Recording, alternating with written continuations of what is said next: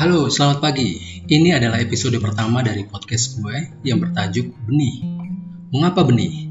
Nanti di episode lain gue akan kupas sehingga lu semua bisa paham benar betapa pentingnya keberadaan dan memiliki benih itu. Serta betapa perlunya menabur benih. Apa yang lu dan gue akan dapatkan di kemudian hari ditentukan oleh benih apa yang kita tabur. Tentunya semua itu ada dalam kuasa produsen benih itu. Nah, siapa produsen benih itu? Nantilah ya. gue jelasin di episode lain. Oke, kembali ke episode pertama podcast gue ini. Di episode perdana ini, gue mau bagiin mengenai waktu. Waktu yang selalu dicari orang, katanya. Waktu yang selalu diidentikan dengan uang. Time is money, katanya.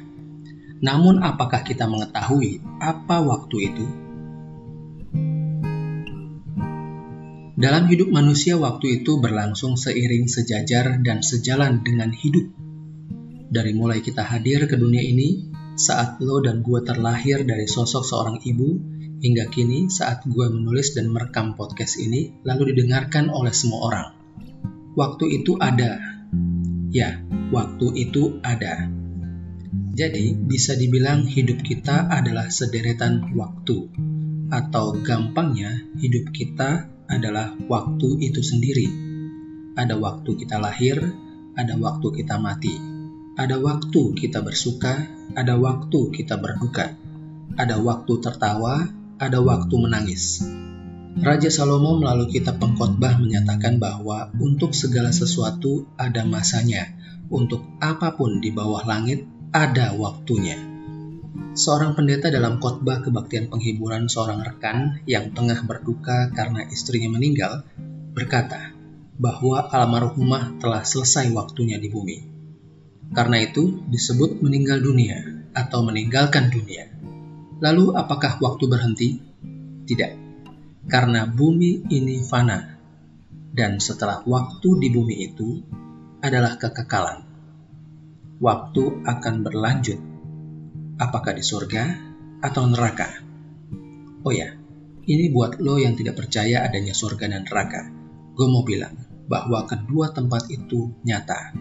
Di Alkitab ada 276 kali kata surga disebut di perjanjian baru. Oke, kembali soal waktu. Jadi waktu itu kekal, dulu dan sekarang, dan yang akan datang. Waktu itu tidak berhenti ketika kita tidur, atau bahkan ketika kita mati, waktu itu selalu hidup. Sampai di sini, gue mau ajak lo semua untuk mengubah pertanyaan dan pernyataan di awal tadi, yaitu apakah kita mengetahui apa waktu itu? Kita ubah menjadi apakah kita mengetahui siapa waktu itu? Alkitab dimulai dengan kalimat pada mulanya Allah menciptakan langit dan bumi. Lalu di Wahyu kitab terakhir Perjanjian Baru tertulis bahwa Aku adalah Alfa dan Omega, yang pertama dan yang terkemudian, yang awal dan yang akhir.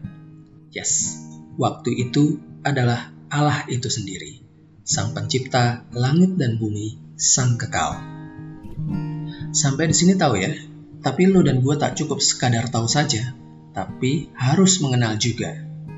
Nah, iman gue mengenal Allah Bapa melalui perantaran anaknya yang tunggal, Yesus Kristus, Tuhan dan Juru Selamat gue pribadi. Yesus yang telah mati, lalu bangkit dan hidup kekal di surga. Dia yang akan datang kembali ke bumi untuk menjemput setiap pengikutnya untuk bersama-sama menikmati bagian dalam kekekalan. Bicara kekal, kita bicara tentang waktu. Dia adalah Alfa dan Omega, yang pertama dan yang terkemudian yang awal dan yang akhir.